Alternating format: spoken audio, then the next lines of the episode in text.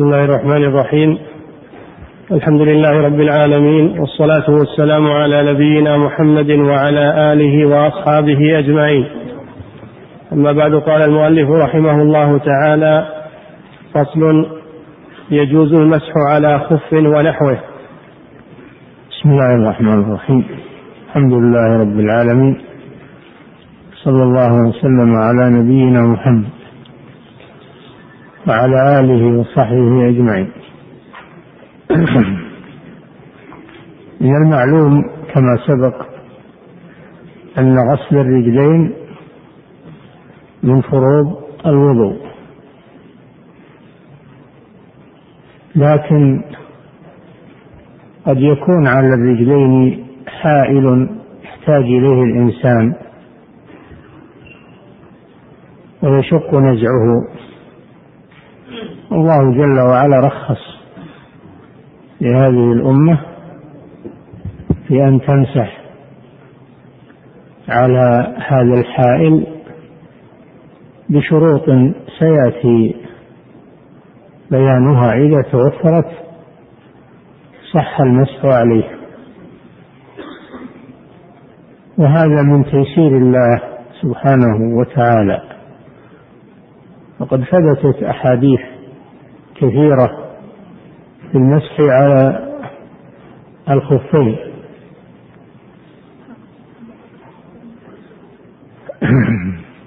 وهو رخصة من الله. غسل الرجلين هذا عزيمة وأما مسح على الخفين فهذا رخصة. والرخصة ما ثبت آه، على خلاف والرخصة هي استباحة المحظور مع قيام سبب الحظر لمعارض لمعارض راجح. معارض راجح مثل أكل الميتة حرام. لكن في بعض الأحوال الضرورية يباح أكلها وهذا وهذا معارض راجح. ثم إذا زال هذا العارض عاد الحكم الأصلي. هذا شأن الرخص الشرعية. والرخص على العموم يستحب للإنسان يفعلها. في هذا وفي غيره. بقوله صلى الله عليه وسلم إن الله يحب أن تؤتى رخصه كما يكره أن ترتكب معصيته. والرخص كثيرة في الشرع عند الحاجة إليها أو عند الضرورة إليها. عند الضرورة إليها رخص كثيرة وفيها تيسير على الناس.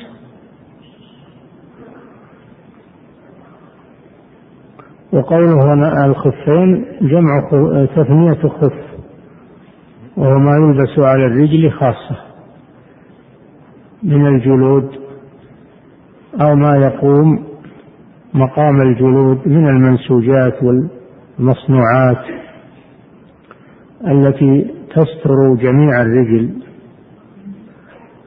والجوارب وغير ذلك. ونحوه يعني من الحوائل.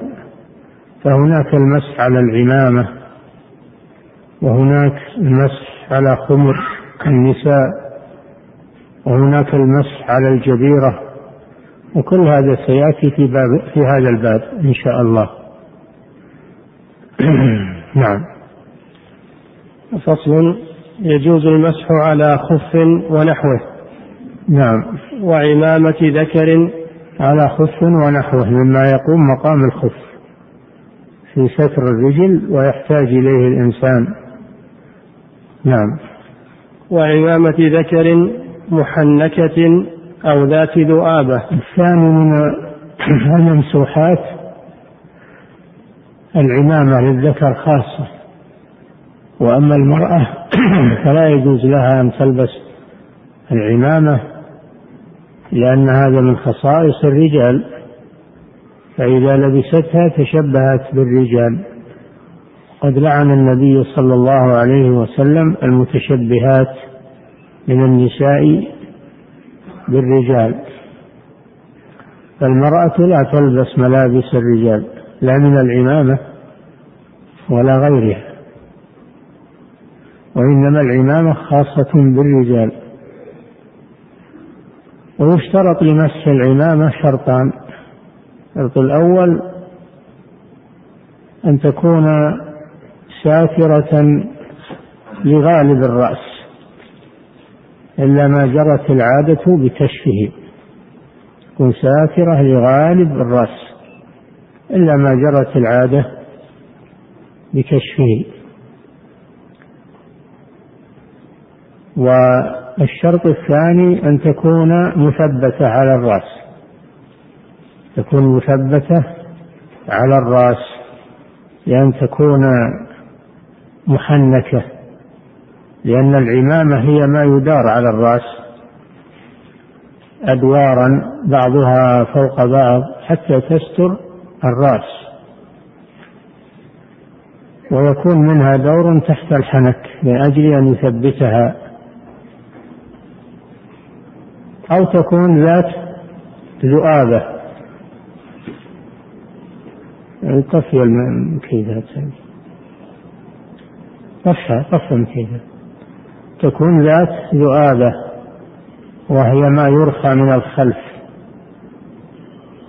من أجل أن يثبتها. فإن كانت ليست محنكة ولا ذات ذؤابة لم يجوز المسح عليها وهي ما تسمى بالعمامة. الصماء الصماء هي التي ليس لها حنك وليس لها ذؤابة يعني غير مثبتة. هذه تسمى الصماء وأما ما يلبسه بعض الأعراب من العصائب على رؤوسهم هذه ليست عمايم.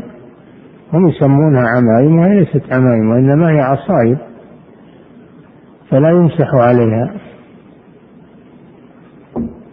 العمائم هي التي تدار على الرأس دورا فوق دور حتى تغطي غالب الرأس حتى يشبهون بالأبراج على على الرؤوس. هذه العمائم اللي يمسح عليها. أما هذه العصائب التي فوق الغترة أو الشماغ هذه عصابة مثل مثل العقال. تشبه العقال. فلا يمسح عليها ولا تسمى عنامة تسمى عصابة. نعم. وعمامة ذكر محنكة أو ذات هذه الشروط. أولا أن تكون عمامة على ذكر لا على أنثى. ثانيا أن تكون ساترة لغالب الرأس إلا ما جرت العادة بكشفه. ثالثا أن تكون مثبتة على الرأس. نعم. وعمامة ذكر محنكة أو ذات ذؤابة وخمر نساء ثالث من الممسوحات خمر النساء وجمع خمار وهو ما تغطي به المرأة رأسها. هذا هو ووجهها هذا هو الخمار ما تغطي به المرأة رأسها. ووجهها عن الرجال وصدرها نحرها قال تعالى وليضربن بخمرهن على جيوبهن. قال صلى الله عليه وسلم لا يقبل الله صلاة حائض بغير خمار. فالخمار هو ما تلبسه المرأة على رأسها وتغطي به وجهها ونحرها عند الرجال. فهذا الخمار إذا ثبتته إذا ثبتته وصار يشق نزعه فإنها تمسح عليه. وذلك بأن تديره تحت حلقها تدير الخمار تحت حلقها حتى يثبت. مثل عمامة الرجل يديرها تحت حلقه. أما إذا كان خمار قابل للنزع والسقوط هذا لا يمسح عليه لأنه لا يشق نزعه وهو ليس مثبتا. نعم. وخمر نساء فإذا العمامة للرجل والخمار للمرأة. نعم. وخمر نساء مدارة تحت حلوقهن. مدارة بهذا الشرط تكون مدارة تحت حلوقهن عشان تثبت. نعم. وعلى جبيرة. هذا الرابع من الممسوحات. الجبيرة. والأصل في الجبيرة أن تكون على الكسر في الذراع أو في أو في الأصبع أو غير ذلك من أعضاء الوضوء أو تكون على الجسم عند الاغتسال. هذه الجبيرة أصلها أنها جرايد أصلها أنها جرايد نخل أو أعواد. تدار على الكسر من جميع الجوانب ثم تشد حتى يجبر الكسر. ثم صارت تطلق على كل حائل على الجرح من اللصوق ومن من اللصوقات ومن الخرق التي تشد عليه والشاش الذي يشد عليه. عند الأطباء أو الجبص أو الجبص الذي يجبر به الكثير كل هذا يدخل في الجبيرة وللمسح على الجبيرة شروط. أولا أن يحتاج إليها يحتاج إلى وضعها. ثانيا أن لا تتعدى قدر الحاجة. تكون على قدر الحاجة فقط ولا تكون كبيرة تغطي مساحة لا حاجة إليها وإنما تكون بقدر الحاجة على محل الإصابة وما حوله مما يحتاج إلى تثبيتها عليه. اختلفوا في هل تشترط الطهارة لأن يمسح أن يلبسها على طهارة الصحيح أنه لا يشترط ذلك. لو لبسها وهو على غير طهارة جاز أن يمسح عليها لأنه لا دليل على اشتراط الطهارة لها. هذه هي الجبيرة. نعم. وعلى جبيرة لم تجاوز قدر الحاجة إلى حلها. لهذا الشرط. إلى حلها. يعني يمسح عليها بدون مدة محددة. وإنما يمسح عليها ما دام يحتاج إليها. ولو طالت المدة. بخلاف الخفين والعمامة وخمر النساء فهذه لها مدة محددة. بالنسبة للمسافر وبالنسبة للمقيم. ولها شروط. نعم. وإن جاوزته أو وضعها على غير طهارة وإن جاوزته أي محل الحاجة نظرنا فإن كان يمكن نزعها نزعها. وإن كان لا يمكن فإنه يمسح عليها ويتيمم عن الزايد. يجمع بين بين المسح و والتيمم عن الزائد نعم. وأما قوله إذا لبسها على طهارة الراجح أنه لا تشترط الطهارة للجبيرة ولا تشترط لها المدة. نعم. وإن جاوزته أو وضعها على غير طهارة لزم نزعها. لزم نزعها ما لم يشق فإن شق فإنه يتركها ويمسح عليها ويتيمم عن الزايد. نعم. فإن خاف الضرر تيمم مع نعم. مسح موضوعة على طهارة. يجمع بين المسح والتيمم إذا زادت عن الحاجة ويشق نزعها. نعم. ويمسح مقيم وعاص بسفره من حدث بعد لبس يوما وليلة. أما مدة عرفنا أن الجبيرة ليس لها مدة وإنما تتوقت بالحاجة فقط. طالت أو قصرت. ولهذا قالوا إلى نزعها. وأما الخفان والعمامة والخمر النساء هذه لها مدة محددة. حددها النبي صلى الله عليه وسلم. للمقيم يوم وليلة أربع وعشرين ساعة. وللمسافر ثلاثة أيام بلياليها فإذا تمت المدة فإذا تمت المدة فإنه لا يبطل المسح ولا يجوز له أن يمسح يستمر المسح عليها لأن هذا خارج المدة التي حددها الرسول صلى الله عليه وسلم. نعم. ويمسح مقيم وعاص بسفره من حدث بعد لبس يوما وليلة. يمسح المقيم هذا محل وفاق. يمسح المقيم يوم وليلة. الحديث السفر ينقسم إلى قسمين. سفر مباح فهذا يمسح ثلاثة أيام بلياليها بالإجماع.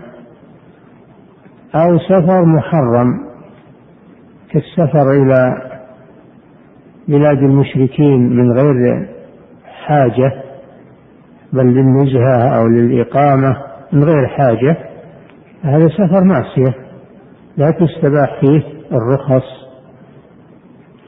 أو سافر للفساد كما يسافر كثير من المفتونين للفساد في البلاد الفاسدة شرب الخمور والزنا وغير ذلك.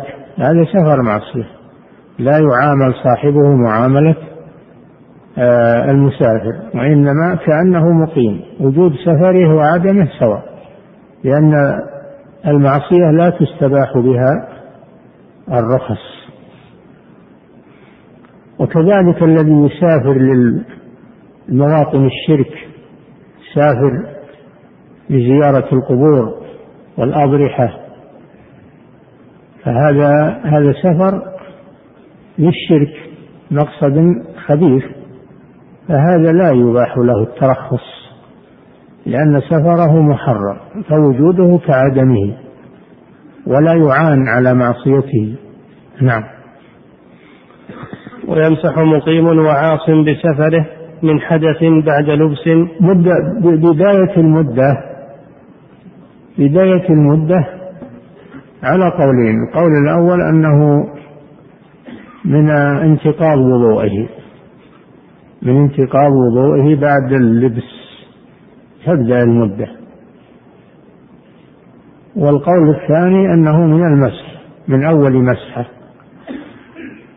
من أول مسحة بعد اللبس. نعم.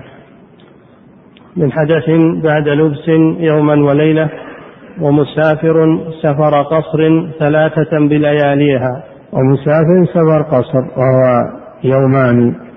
للراحلة ثمانين كيلو فأكثر هذا يمسح ثلاثة أيام للحديث نعم.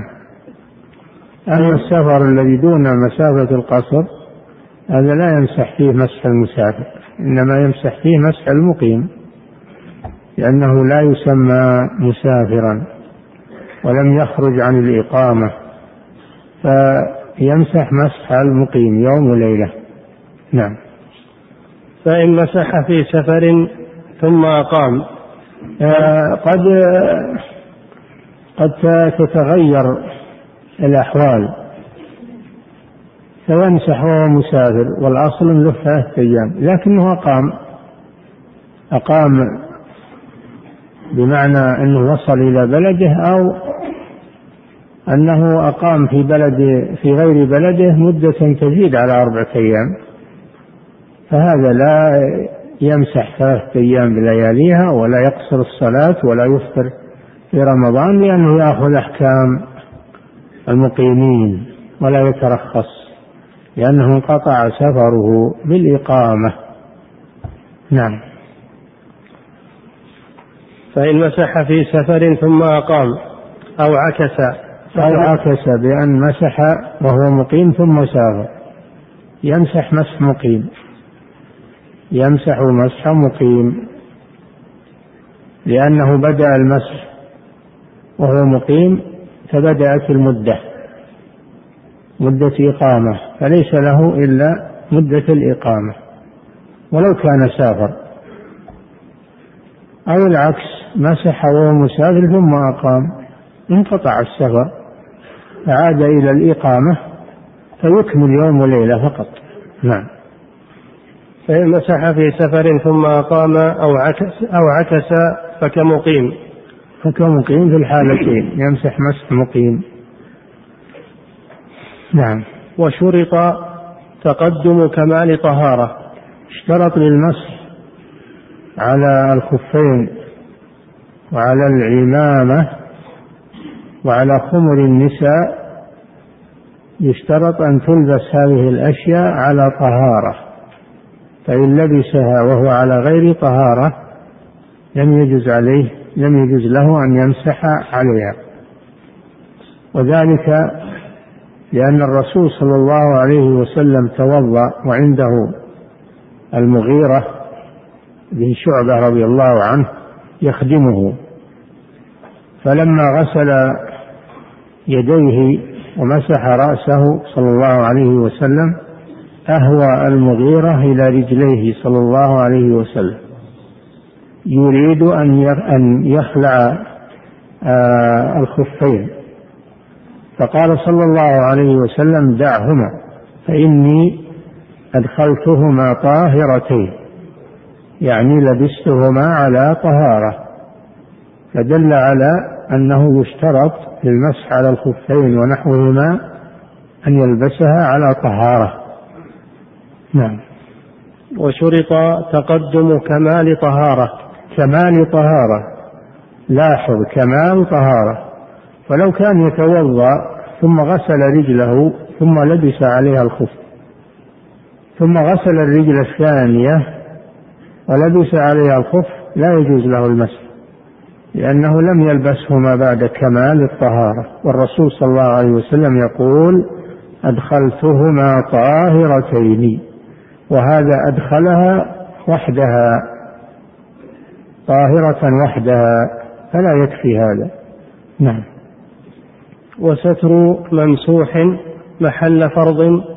هذا يشترط يشترط في المسح على الخفين شروط منها أن يلبسهما على طهارة على كمال طهارة هذا واحد. الثاني وستر ممسوح. أن, أن, أن يكون الممسوح ساترا لما تحته. ساترا لما تحته. فالخف يكون ساترا للرجل من الكعبين فأسفل. ولا يرى الجلد من ورائه. لأنه لا يكون حائلا حينئذ إذا كان يرى الجلد من ورائه لصفائه أو لشفافته أو لأنه مخرق خروقا كبيرة. يظهر بعض الرجل. هذا لا يجوز المسح عليه لأنه غير لأنه غير ساتر. وفرض ما ظهر الغسل ولا يجمع بين المسح والغسل. هذا شرط. أن يكون ساترا للمفروض. نعم. وثبوته بنفسه. الشرط الثالث أن أن يثبت بنفسه لا بشده بأن يشد على رجله. لا هذا ما يصلح. يعني يلبسه يثبت بنفسه هو. يمكن المشي فيه. يعني يدخل رجله فيه ويمشي مثل الخف أو الجورب. أما إن كان ما يثبت إلا لازم أنه يجيب حبل ويشد على رجله هذا ما يسمى ما يسمى حائل هذا يسمى لفافة هذا يسمى باللفافة لافه على رجله. نعم فلا يمسح عليه فلو إنه لف على رجله قماش وحزمه على رجله. ما يجوز له يمسح عليه لأن هذا لا يسمى خفا ولا يقوم مقام الخف. والأصل في الرخصة أن يقتصر على موردها لا يقاس عليها. الرخص ما يقاس عليها وإنما استعمل في موردها فقط لأنه خلاف الأصل خلاف الأصل فلا يتوسع فيها. نعم. وثبوته بنفسه وإن كانوا مشي به عرفا. ثبوته بنفسه وإن كان مشي به. فإن كان إذا مشى يسقط هذا لا لا يمسح عليه. إذا كان إذا مشى يسقط فإنه لا يمسح عليه لأنه غير ثابت. نعم. وإن كانوا مشي به عرفا. يعني ولو خطوتين أو ثلاث ما هو بالمشي لازم 100 متر ولا لا ولا خطوتين أو ثلاث يرجع إلى العرف في هذا. وثباته في المشي يستوي فيه القليل والكثير. نعم. وطهارته. يشترط أيضا في في الخفين أن يكون من مادة أن يكون مصنوعين من مادة طاهرة. فإن صنع من مادة نجسة كجلد الخنزير وجلود الأفاعي وجلود الميتات والسباع لم يصح المسح عليه لأنه غير طاهر. هذا نجس العين. هذا نجس العين فلا يمسح عليه. نعم. وإباحته. ألا يكون مغصوبا هذا شرط آخر. ألا يكون مغصوبا. يغصب خفاف غيره أو جوارب غيره بدون إذنه يلبسها ثم يمسح عليها ما يجوز هذا. لا يجوز استعمال المغصوب في العبادة. هذه شروط المسح على الخفين. أعدها وشرط تقدم كمال طهارة. هذا واحد. وستر ممسوح محل فرض. هذا اثنين. وثبوته بنفسه وإن كانوا مشي به عرفا. وثبوته وثبوته بنفسه هذه ثلاثة. وإن كان مشي به عرفا هذه خمسة. نعم. وطهارته وإباحته. وطهارته هذه خم... ستة. وإباحته سبعة. سبعة شروط. نعم. ويجب مسح أكثر دوائر عمامة. وأكثر آه، كمية المسح. كمية المسح. لازم يمسح العمامة كلها ويمسح الخف كله أعلى وأسفله لا.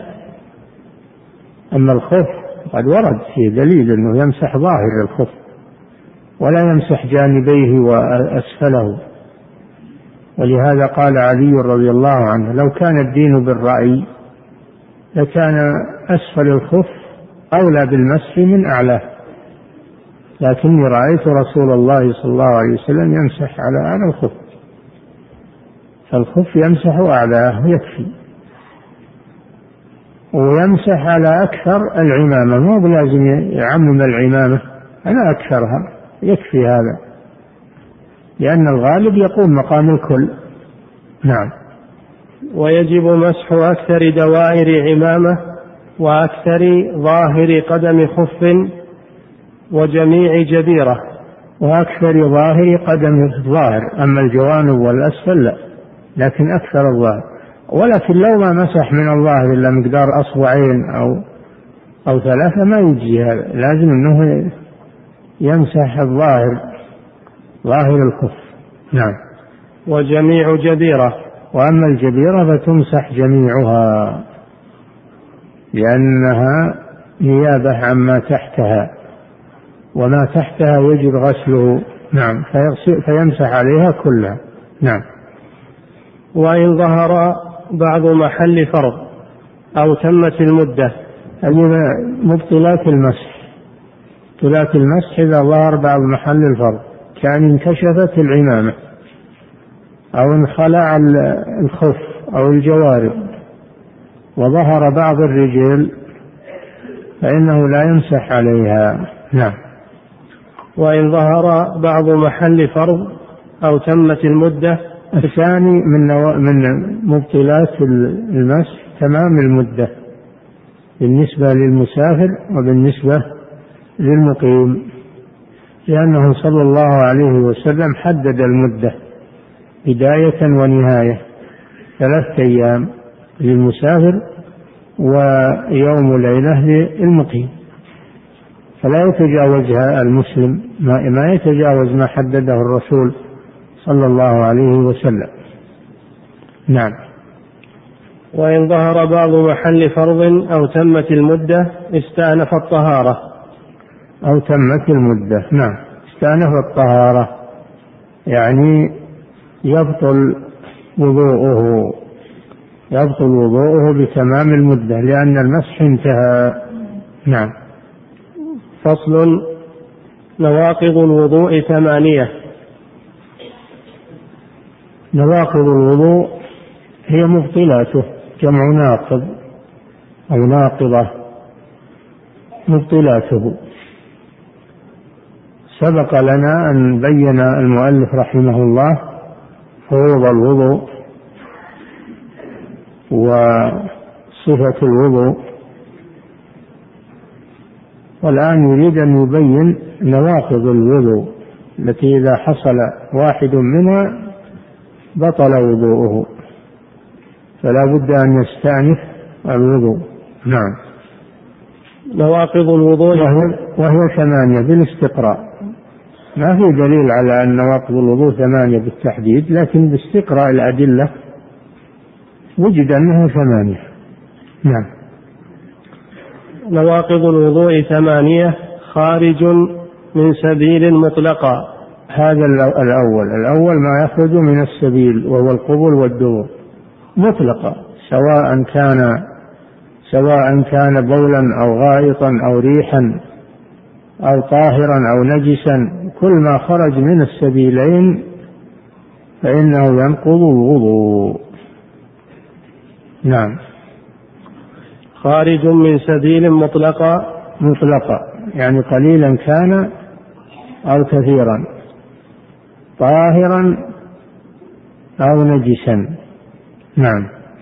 وخارج من بقية البدن من بول وغائط وكثير نجس غيرهما. كثير نجس. وخارج من بقية البدن. أما أما ما يخرج من بقية البدن فهذا إن كان بولا أو غائطا فإنه ينقض مطلقا سواء كان قليلا أو كثيرا. وأما إن كان غير بول غائط كالدم والصديد والقيء فإنه إن كان كثيرا ينقض. وأما إن كان يسيرا فإنه لا ينقض ويتسامح فيه. نعم.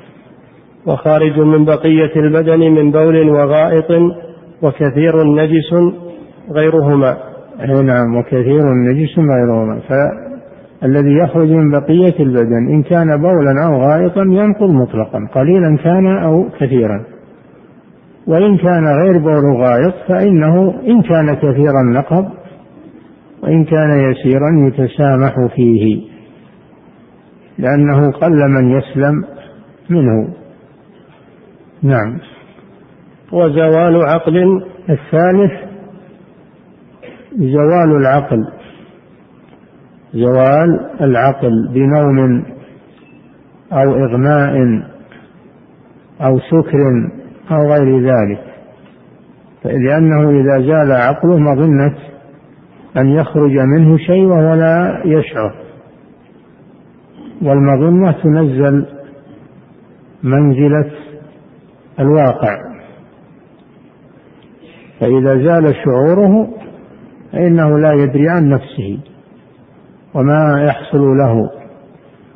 فلذلك ينتقض وضوءه إذا كان على وضوء. نعم. وزوال عقل إلا يسير نوم من قائم أو قاعد. إلا يسير النوم. يسير النوم. يتسامح فيه لأن قل من يسلم مثل النعاس. بشرط أن يكون قاعدا متمكنا من نفسه أو قائما.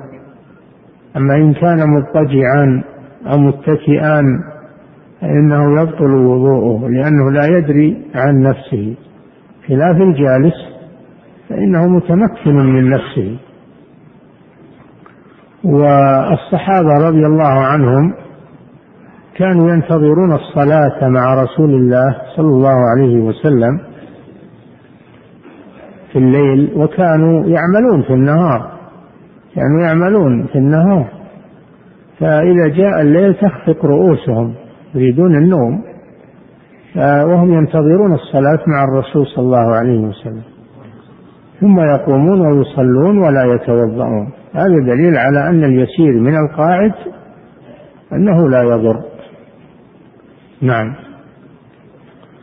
وزوال الدليل على أن النوم الكثير ينقض حديث صفوان بن عسال رضي الله عنه قال أمر أمرنا رسول الله صلى الله عليه وسلم إذا كنا سهرا لا ننزع خفافنا إلا من إلا إلا من جنابة لكن من بول وغائط ونوم. فعد النوم مع البول والغائط. دل على أنه ينقض الوضوء. وأيضا كما ذكرنا النائم لا يدري عن نفسه وفي الحديث الصحيح أنه صلى الله عليه وسلم قال العينان كائسة يعني الدبر. فإذا ما فإذا نامت العينان استطلق الوكاء لأنه ما يدري عن نفسه. نعم. والمظنة تنزل منزلة اليقين.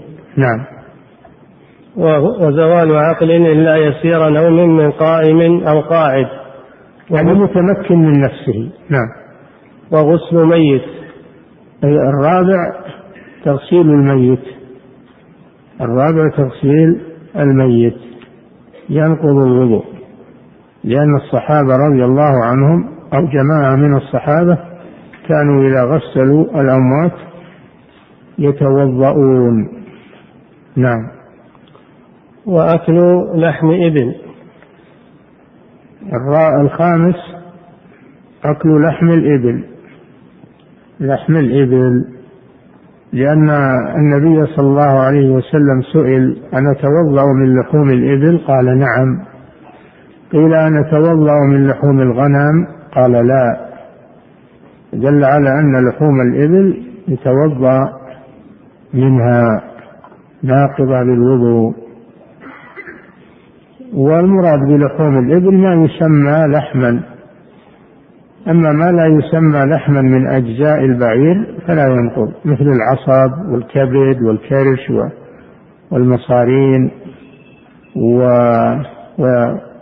والمرق والشحم وال والدهن هذا ما ينقض لأنه لا يسمى لحما.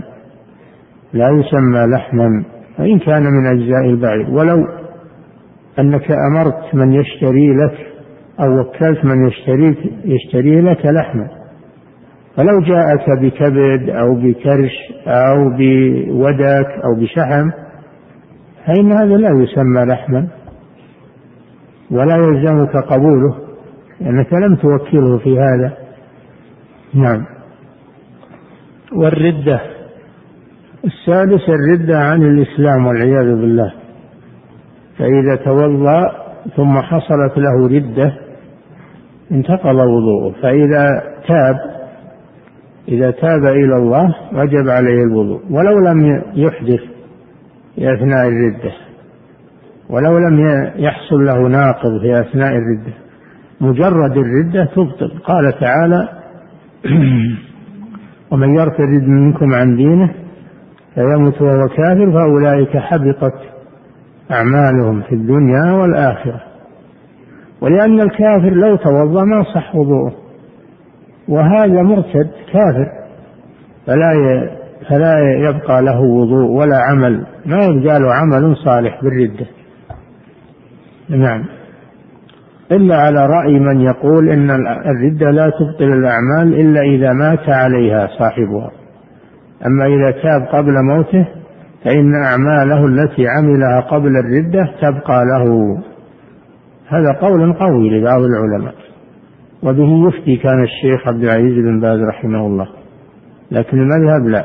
يقولون الردة تبطل الأعمال فلو حج قبل الردة حجة الإسلام بطل راح عليه. فإذا تاب لازم يحج من جديد لأن ذاك راح بطل بالردة.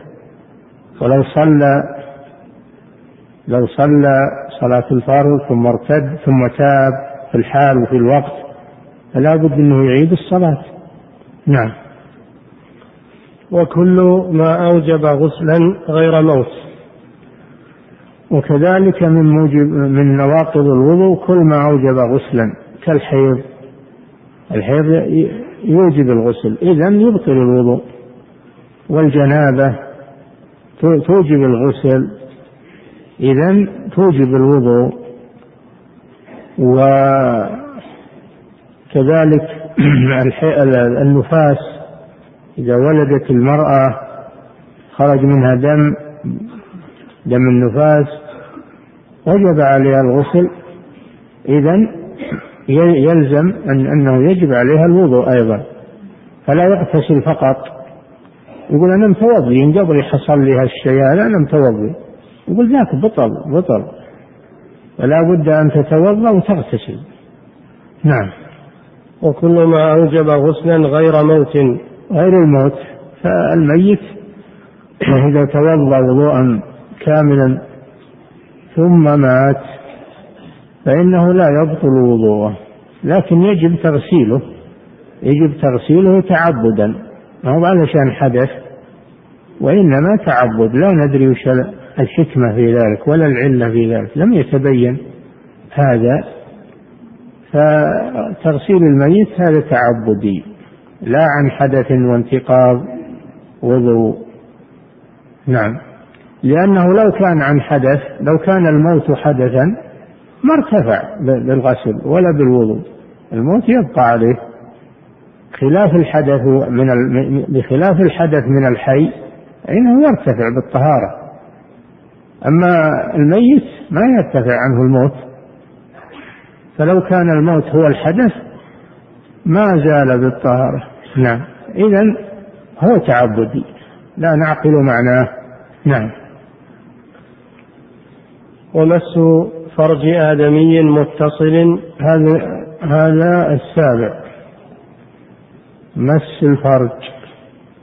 قوله لقوله صلى الله عليه وسلم من مس ذكره حديث بسرى بن صفوان من مس ذكره فليتوضأ أو مس ذكر غيره مباشرة من غير حائل فإنه ينتقض الوضوء سواء كان كبيرا أو صغيرا مس الفرج مباشرة من غير حائل من الإنسان أو من غيره ينقض وضوء الماس ينقض وضوء الماس. نعم. ومس فرج آدمي متصل أو مس فرج آدمي متصل. أما لو كان مقطوعا لو مس ذكرا مقطوعا لم ينتقض وضوءه لأن هذا منفصل من صاحبه وإنما المراد المتصل الباقي في محله. هذا هو الذي ينقض الوضوء. نعم. ومس فرج آدمي متصل أو في آدمي. أما فرج البهيمة هذا لا ينقض الوضوء. إنما هذا في فرج الآدمي خاصة القبل والدبر. من الرجل والمرأة. من الكبير والصغير. من المسلم والكافر. إذا مسه بطل وضوءه. نعم. ومس فرج آدمي متصل أو حلقة دبره بيد. أو مس حلقة دبره بيده مباشرة. أما لو مس من وراء حائل فإنه لا ينتقض وضوءه. لو مس فرجه أو فرج غيره دبرا كان أو قبلا من وراء حائل فإن هذا لا ينقض وضوءه. نعم. لأنه لقوله صلى الله عليه وسلم من أفضى بيده من أفضى بيده إلى فرجه فليتوضأ. أفضى يعني مباشرة من غير حائل. نعم. ولمس ذكر أو أنثى الآخر لشهوة بلا حائل. الثامن الثامن مس المرأة لشهوة. مس المرأة لشهوة. أو المرأة تمس الرجل لشهوة. ينتقض وضوء الماس دون الممسوس. لأن اللمس بشهوة مباشرة من غير حائل مظنة الشهوة. مظنة خروج شهوة منه. مظنة خروج شهوة.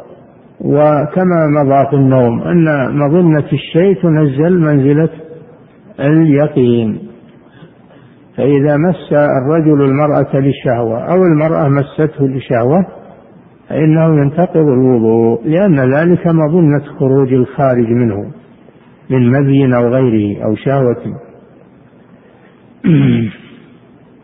والدليل على ذلك قوله تعالى أو لامستم النساء. أو لامستم النساء على أن المراد بالملامسة المس باليد. وعلى القول الثاني أن المراد بالملامسة الجماع فإنه لا ينتقض الوضوء بذلك نعم. ولمس ذكر أو أنثى الآخر لشهوة بشهوة بشهوة بهذا الشرط. أما لو مسها أو مسته بدون شهوة فلا ينقض الوضوء. كما لو كان معك زوجك وأخذت بيدها تدلها على الطريق أو تمنعها من من شيء فيه خطر عليها أخذت مسكت بيدها هذا غير شهوة ما أو هو كذلك مسكت بيدك أو فمن غير شهوة هذا لا ينقض الوضوء لأنه ليس مظنة خروج شيء. هذا مذهب الحنابلة. أما عند الشافعية هو مجرد المس ينقض ولو بدون شهوة.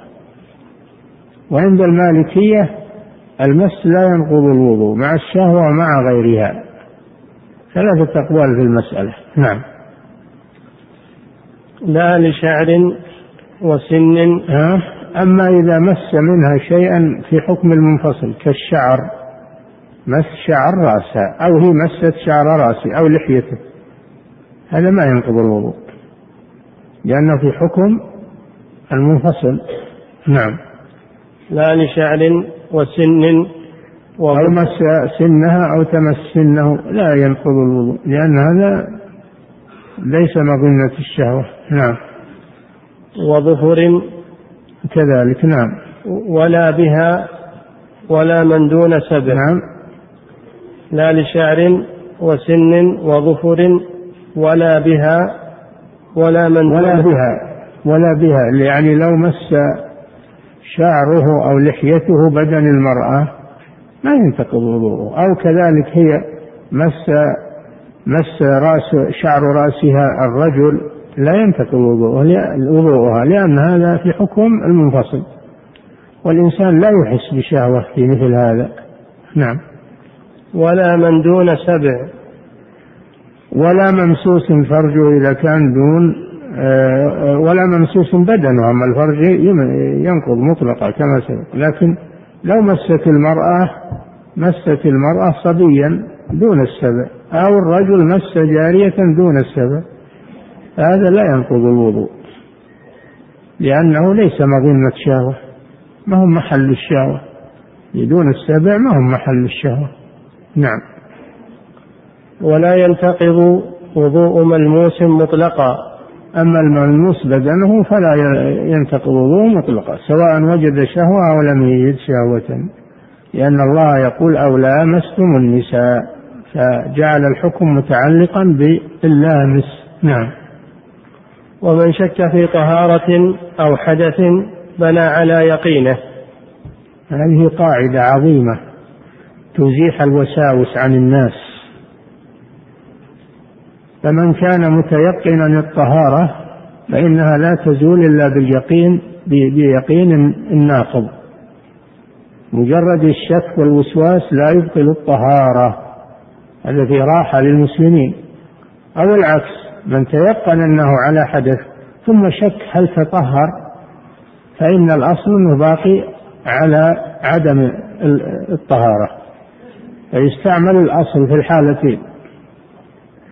وبهذا يزول شكوك وأوهام عن المسلمين. الأصل في هذا قوله صلى الله عليه وسلم في الرجل يشكل عليها خرج منه شيء أو لا قال صلى الله عليه وسلم لا ينصرف حتى يسمع صوتا أو يجد ريحا يعني حتى يتيقن الخارج. أما مجرد الشك أنه خرج منه شيء فهذا لا ينتقل وضوءه لأن الأصل بقاء. بقاء الطهارة واليقين لا يزول بالشك. هذه قاعدة اليقين لا يزول بالشك. أخذوها من هذا الحديث العظيم. نعم. ومن شك في طهارة أو حدث بنى على يقينه. بنى على يقينه الحالتين. إن كان متطهرا وشك في الحدث فإنه يبقى على الطهارة. وإن كان محدثا وشك في الطهارة فإنه يبقى محدثا. حتى يتيقن حتى يتيقن زوال هذا الشيء.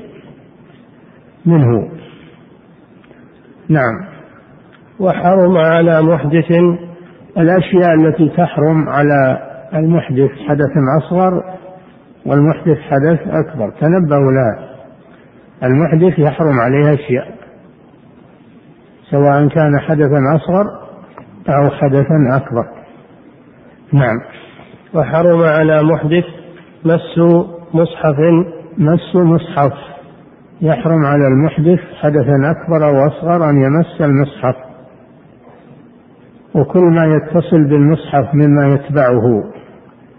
بقوله صلى الله عليه وسلم لا يمس القرآن إلا طاهر. وفي الآية لا يمسه إلا إنه لقرآن كريم في كتاب مكنون لا يمسه إلا المطهرون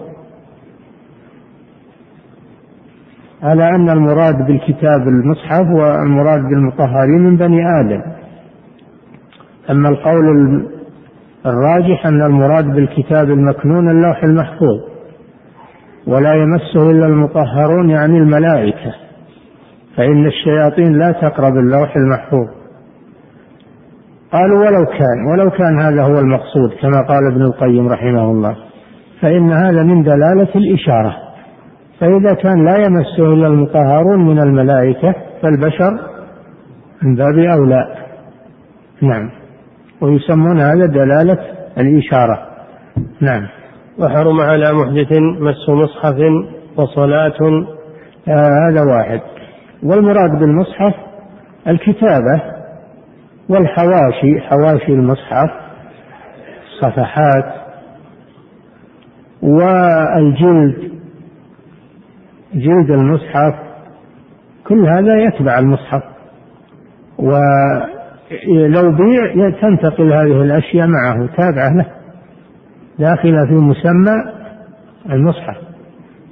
أما لو كان المصحف في في كيس أو في أو في تابوت في تابوت صغير فلا بأس أن يحمله لأنه من وراء حائل لأن هذا من وراء حائل لا بأس بذلك. وكذلك قالوا لا بأس أن يمكن الصبيان الذين يتعلمون القرآن من مس الألواح المكتوب فيها القرآن لأنه لا يمكن أن يتعلموا إلا بهذه الطريقة فيتسامح في هذا. نعم. وحرم على محدث مس مصحف وصلاة. وصلاة وصلاة. الشيء الثاني الصلاة. قوله صلى الله عليه وسلم بقوله تعالى يا أيها الذين آمنوا إذا قمتم إلى الصلاة فاغسلوا وجوهكم إلى قوله وإن كنتم جنبا فاطهروا. فلا يجوز للمصلي للمسلم أن يصلي إلا بطهارة.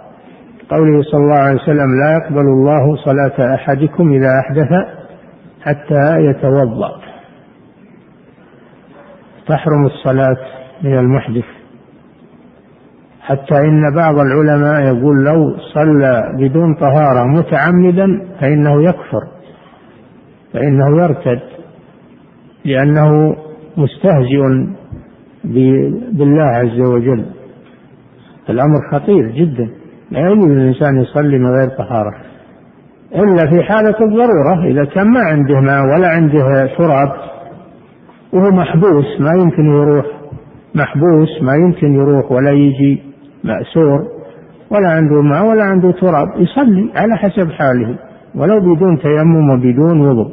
قوله تعالى فاتقوا الله ما استطعتم.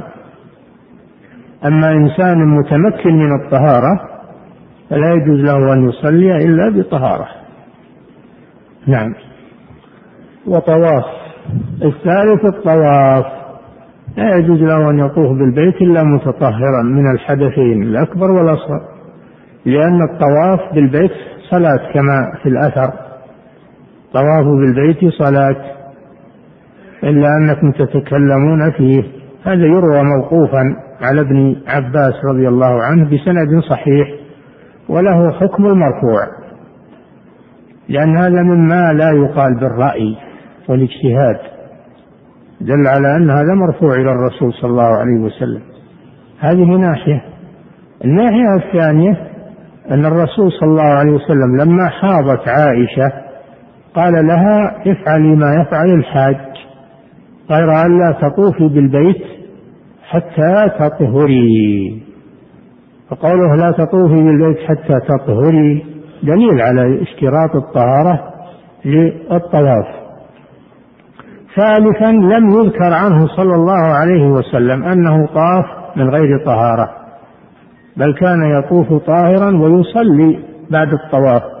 فلو كان على غير طهارة ما صلى بعد الطواف ركعتي الطواف. إذا فيشترط للطواف الطهارة من الحدثين. الأصغر والأكبر. نعم. وعلى جنوب ونحوه ذلك. ويحرم هذا على المحدث حدث أصغر الصلاة مس المصحف والصلاة والطواف. هذا على المحدث حدثا أصغر. أما المحدث حدثا أكبر كالجنابة والحيض والنفاس فتحرم عليه هذه الأشياء الثلاثة وزيادة وزيادة وهي قراءة القرآن.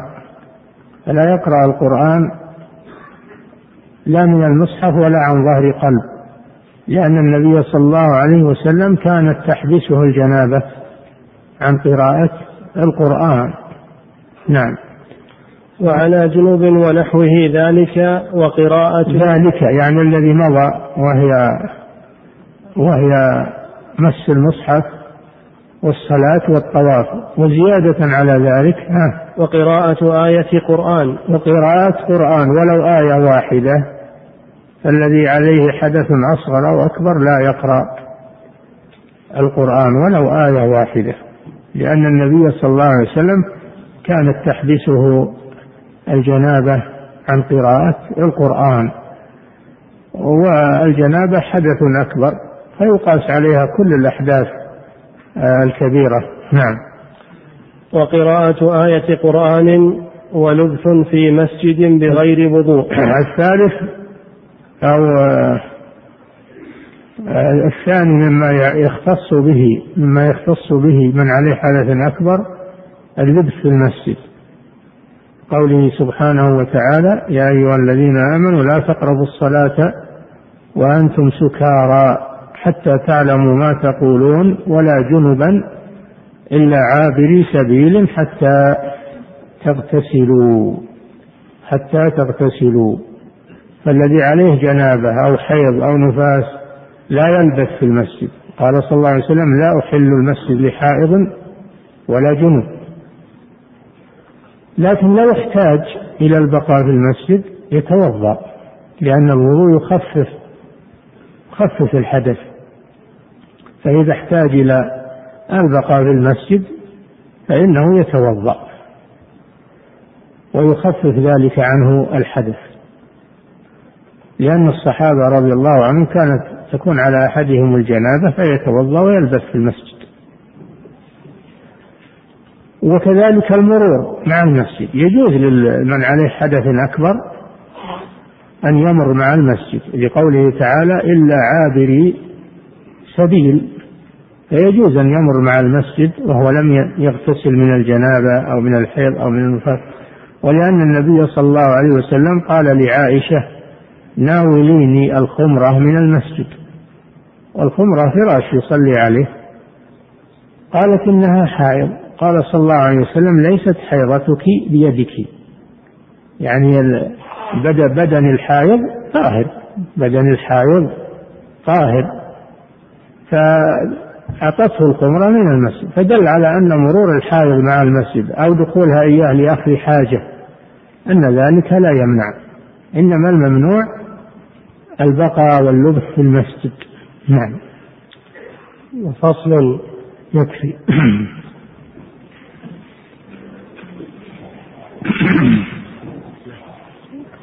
يقول فضيلة الشيخ وفقكم الله ما القول الراجح في بداية مدة المسح على الخفين؟ الراجح والله أعلم أنه من الحدث من حدث بعد اللبس. هو القول الراجح والأحوط أيضا. نعم.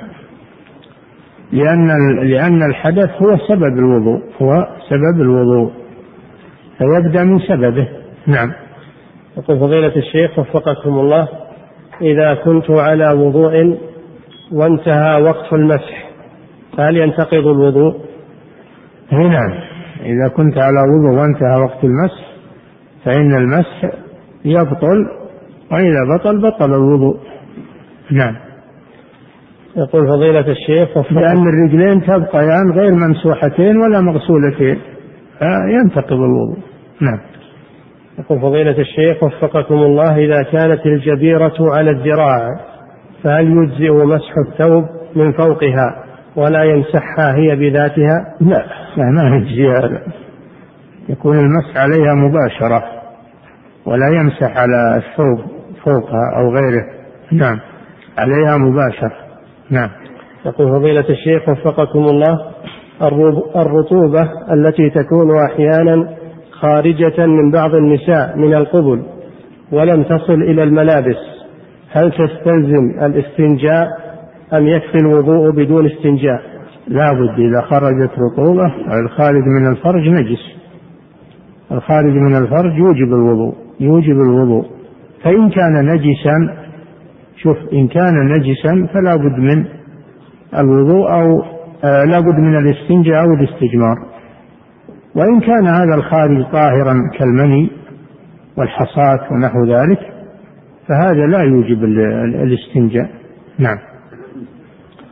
يقول فضيلة الشيخ وفقكم الله الآن في بعض الجوالات يوجد بها المصحف كاملا فهل لي أن أقرأ القرآن من هذا الجوال ولو كنت على غير طهارة؟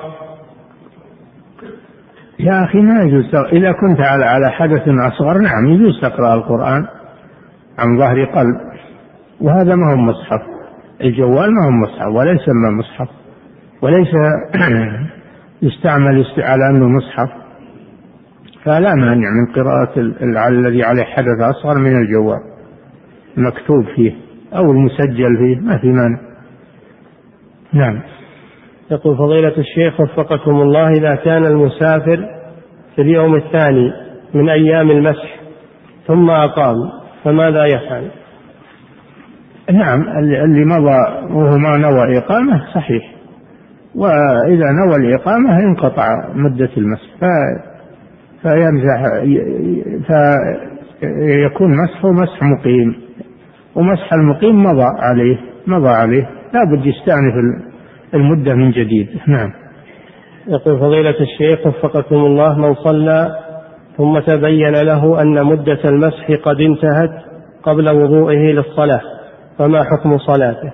كما سبق أنه ينزع الخفين ويتوضأ وضوءا كاملا ويصلي يعيد الصلاة لأنه صلى صلاة على غير طهارة. نعم. يقول فضيلة الشيخ وفقكم الله إذا انتقض وضوء الذي يطوف. وهو في الشوط الخامس مثلا ثم توضأ فهل يكمل أم يبدأ من جديد؟ لو انتقض وضوءه وما بقي عليه إلا ذراعين عن في الشوط الأخير قبل الحجر يبطل طوافه كله. لا بد من الوضوء واستئناف الطواف من جديد. كما لو أحدث وانتقض وضوءه قبل السلام في الصلاة تبطل صلاته كلها. نعم. نعم. يقول فضيلة الشيخ وفقكم الله هل يمسح الرجل على الخفين في آن واحد كالأذنين أو يبدأ باليمنى ثم اليسرى؟ لا مانع. المهم أنه يمسح عليهما سواء مسحهما جميعا في آن واحد أو مسح واحدة بعد الأخرى لا بأس. نعم. يقول فضيلة الشيخ وفقكم الله إذا مسح على الجورب ثم أراد أن يلبس جوربا ثانيا فهل يلزمه أن يعيد الوضوء مرة ثانية؟ إذا مسح على الجورب ثم لبس عليه خفا أو جوربا آخر فإن المسح يبقى على الجورب الأول فإذا أراد أن يمسح يخلع الإضافي هذا ويمسح على ما بدأ المسح عليه من الأول لأنه تعلق الحكم به. نعم. أما لو لبس الخف الثاني أو الجورب الثاني قبل بداية المسح فإنه يمسح على الفوقاني أما إذا بدأ المسح على الأسفل فإنه يتعلق الحكم به فيمسح عليه ويزيل الذي فوقه. نعم. يقول فضيلة الشيخ وفقكم الله هل المسح على الشراب من باب القياس على الخف؟ أو فيه دليل مستقل لوحده. فيه دليل في حديث بلوغ المرام وغيره أن النبي صلى الله عليه وسلم مسح على الجوربين وبه أخذ الإمام أحمد رحمه الله. نعم. يقول فضيلة الشيخ وفقكم الله البسطار الذي يلبسه الجنود لا يثبت إلا إذا ربط بالحبال والأربطة فهل يجوز المسح عليه؟ يا أخي الربط على قسمين. الربط على قسمين. ربط الشيء بعضه ببعض لا بأس بذلك. مثل الفسطار ومثل الزربول ومثل اللي فيه درك وفيه خيط. ربط بعضه ببعض هذا لا بأس به ويمسح عليه. لكن كلام أنه يجيب رباط خارجي. يجيب رباط خارجي ويلف عليه. هذا هو الذي لا لا لا يمسح عليه. نعم. يقول فضيلة الشيخ وفقكم الله. هل يجوز المسح على الخفاف التي تستر الرجلين وفوق الكعبين لكنه مصنوع من البلاستيك الشفاف الذي يصف الرجلين. ما دامت ترى من ورائه الرجلين لصفائه فإنه لا يمسح عليه لأنه غير ساتر. لأنه غير ساتر. نعم. يقول فضيلة الشيخ وفقكم الله إذا جاوزت الجبيرة قدر الحاجة فإنه يتيمم لذلك فكيف يتيمم على الجبيرة؟ ما يتيمم على الجبيرة يتيمم عن الزايد الزايد أما الجبيرة فيمسح عليها يجمع بين المسح والتيمم يتيمم عن الزايد لأن الزايد حقه المسح حقه الغسل لكن ما يستطيع يغسله. فيتيمم عنه. نعم. يقول فضيلة الشيخ وفقكم الله ذكرتم حفظكم الله أن لبس أن لبس العمامة مباح وليس بسنة والرسول صلى الله عليه وسلم قد كان يفعله. فهل يعد ما فعله سنة؟ فعله من باب المباحات. الرسول صلى الله عليه وسلم يفعل أشياء من باب العادات. هذا ليس تشريعا. ويفعل أشياء من باب العبادات هذا هو التشريع. فلبس العمامة هذا من باب العادات وليس هو من باب العبادات. نعم. يقول فضيلة الشيخ وفقكم الله ذكرتم حفظكم الله أنه لو انتقض وضوءه في الطواف ولو كان ذلك في الشوط الأخير فإنه يبدأ من أول بعد أن يتطهر. فهل ذلك يكون أيضا على الحاج الذي يجد زحاما شديدا أو تعبا شديدا؟ فلو انتقض وضوءه في الشوط الأخير يبدأ من جديد كذلك؟ ما في شك إذا انتقض وضوءه لأي سبب؟ سواء بالزحام أو لغيره. انتقض وضوءه بطل طوافه. مثل لو انتقض وضوءه في الصلاة. يفرض أن الصلاة فيها زحام أيضا. فيها زحام شديد وانتقض وضوءه. هل تقول أن الصلاة صحيحة بسبب الزحام؟ لا. الزحام لا يسقط الشرط. نعم. يقول فضيلة الشيخ وفقكم الله هل لمس الإلية مباشرة ينقض الوضوء؟ غير القبول والدبر ما ينقض الوضوء. غير إلا إذا كان لمسها من غيره لشهوة فينتقض وضوءه من أجل اللمس بشهوة نعم. يقول فضيلة الشيخ وفقكم الله الأذكار التي فيها بعض الآيات هل يجوز للمحدث حدثا أكبر أن يقرأها؟ ما يقرأ الآيات لكن يقرأ الأذكار التي ليست آيات. وبعض العلماء يقول إذا قرأها بنية الذكر لا بنية التلاوة فلا بأس. إذا قرأ الآية بنية الذكر والورد لا بنية التلاوة فلا بأس. نعم. يقول فضيلة الشيخ وفقكم الله كيف نجمع بين قاعدة أن المظنة أن مظنة الشيء تنزل منزلة اليقين وبين القاعدة الفقهية اليقين لا يزول بالشك. ما عندك يقين في هذا؟ هذا إذا كان فيه يقين الآن ما فيه يقين. وش اليقين اللي عند اللي مس المرأة لشهوة؟ يقول ما يزول بالشك. ما فيه يقين. نعم. لكن هذا في الإنسان اللي على طهارة هذا اليقين. على طهارة متيقنة ثم شك بالحدث هذا اليقين الذي لا يزول بالشك. نعم. يقول فضيلة الشيخ وفقكم الله لدينا مدرس قد حدد مدة النوم الذي لا ينقض الوضوء فقال بأنه ساعتين فأقل هل تحديده صحيح؟ هذا من كيسه. هذا من كيسه. لا يرجع في هذا إلى العرف. يرجع في هذا إلى كون هل هو ضابط نفسه ويحس باللي حوله. يحس باللي حوله هذا لا ينتقض وضوء لأن هذا نعاس. أما إذا زال شعوره ولا يحس باللي حوله فهذا لا يدري عن نفسه. نعم. يقول فضيلة الشيخ وفقكم الله هل الإنسان إذا سافر للمعصية فقصر الصلاة أو مسح على هل الإنسان؟ هل الإنسان إذا سافر للمعصية فقصر الصلاة أو مسح على الخفين؟ فهل تعد صلاته باطلة وكذلك مسحه فتلزمه الإعادة؟ على المذهب نعم، على المذهب نعم، ولكن على القول الثاني وأظن اختيار الشيخ أن أن هذا لا يمنع هو يأثم على السفر لكن لا يمنع صحة عباداته لأن الله أطلق السفر إن كنتم وإن كنتم على سفر وإن كنتم مرضى أو على سفر أو جاء أحد منكم من الآية عامة. وإذا ضربتم في الأرض فليس عليكم جناح أن تقصروا من الصلاة. هذا عام أيضا. فالأدلة عامة في العاصي وغيره. وكونه عاصي يأثم على المعصية بلا شك لكن لا نبطل عباداته التي أداها. نعم. هذا هو الصحيح إن شاء الله. نعم. فضيلة الشيخ وفقكم الله.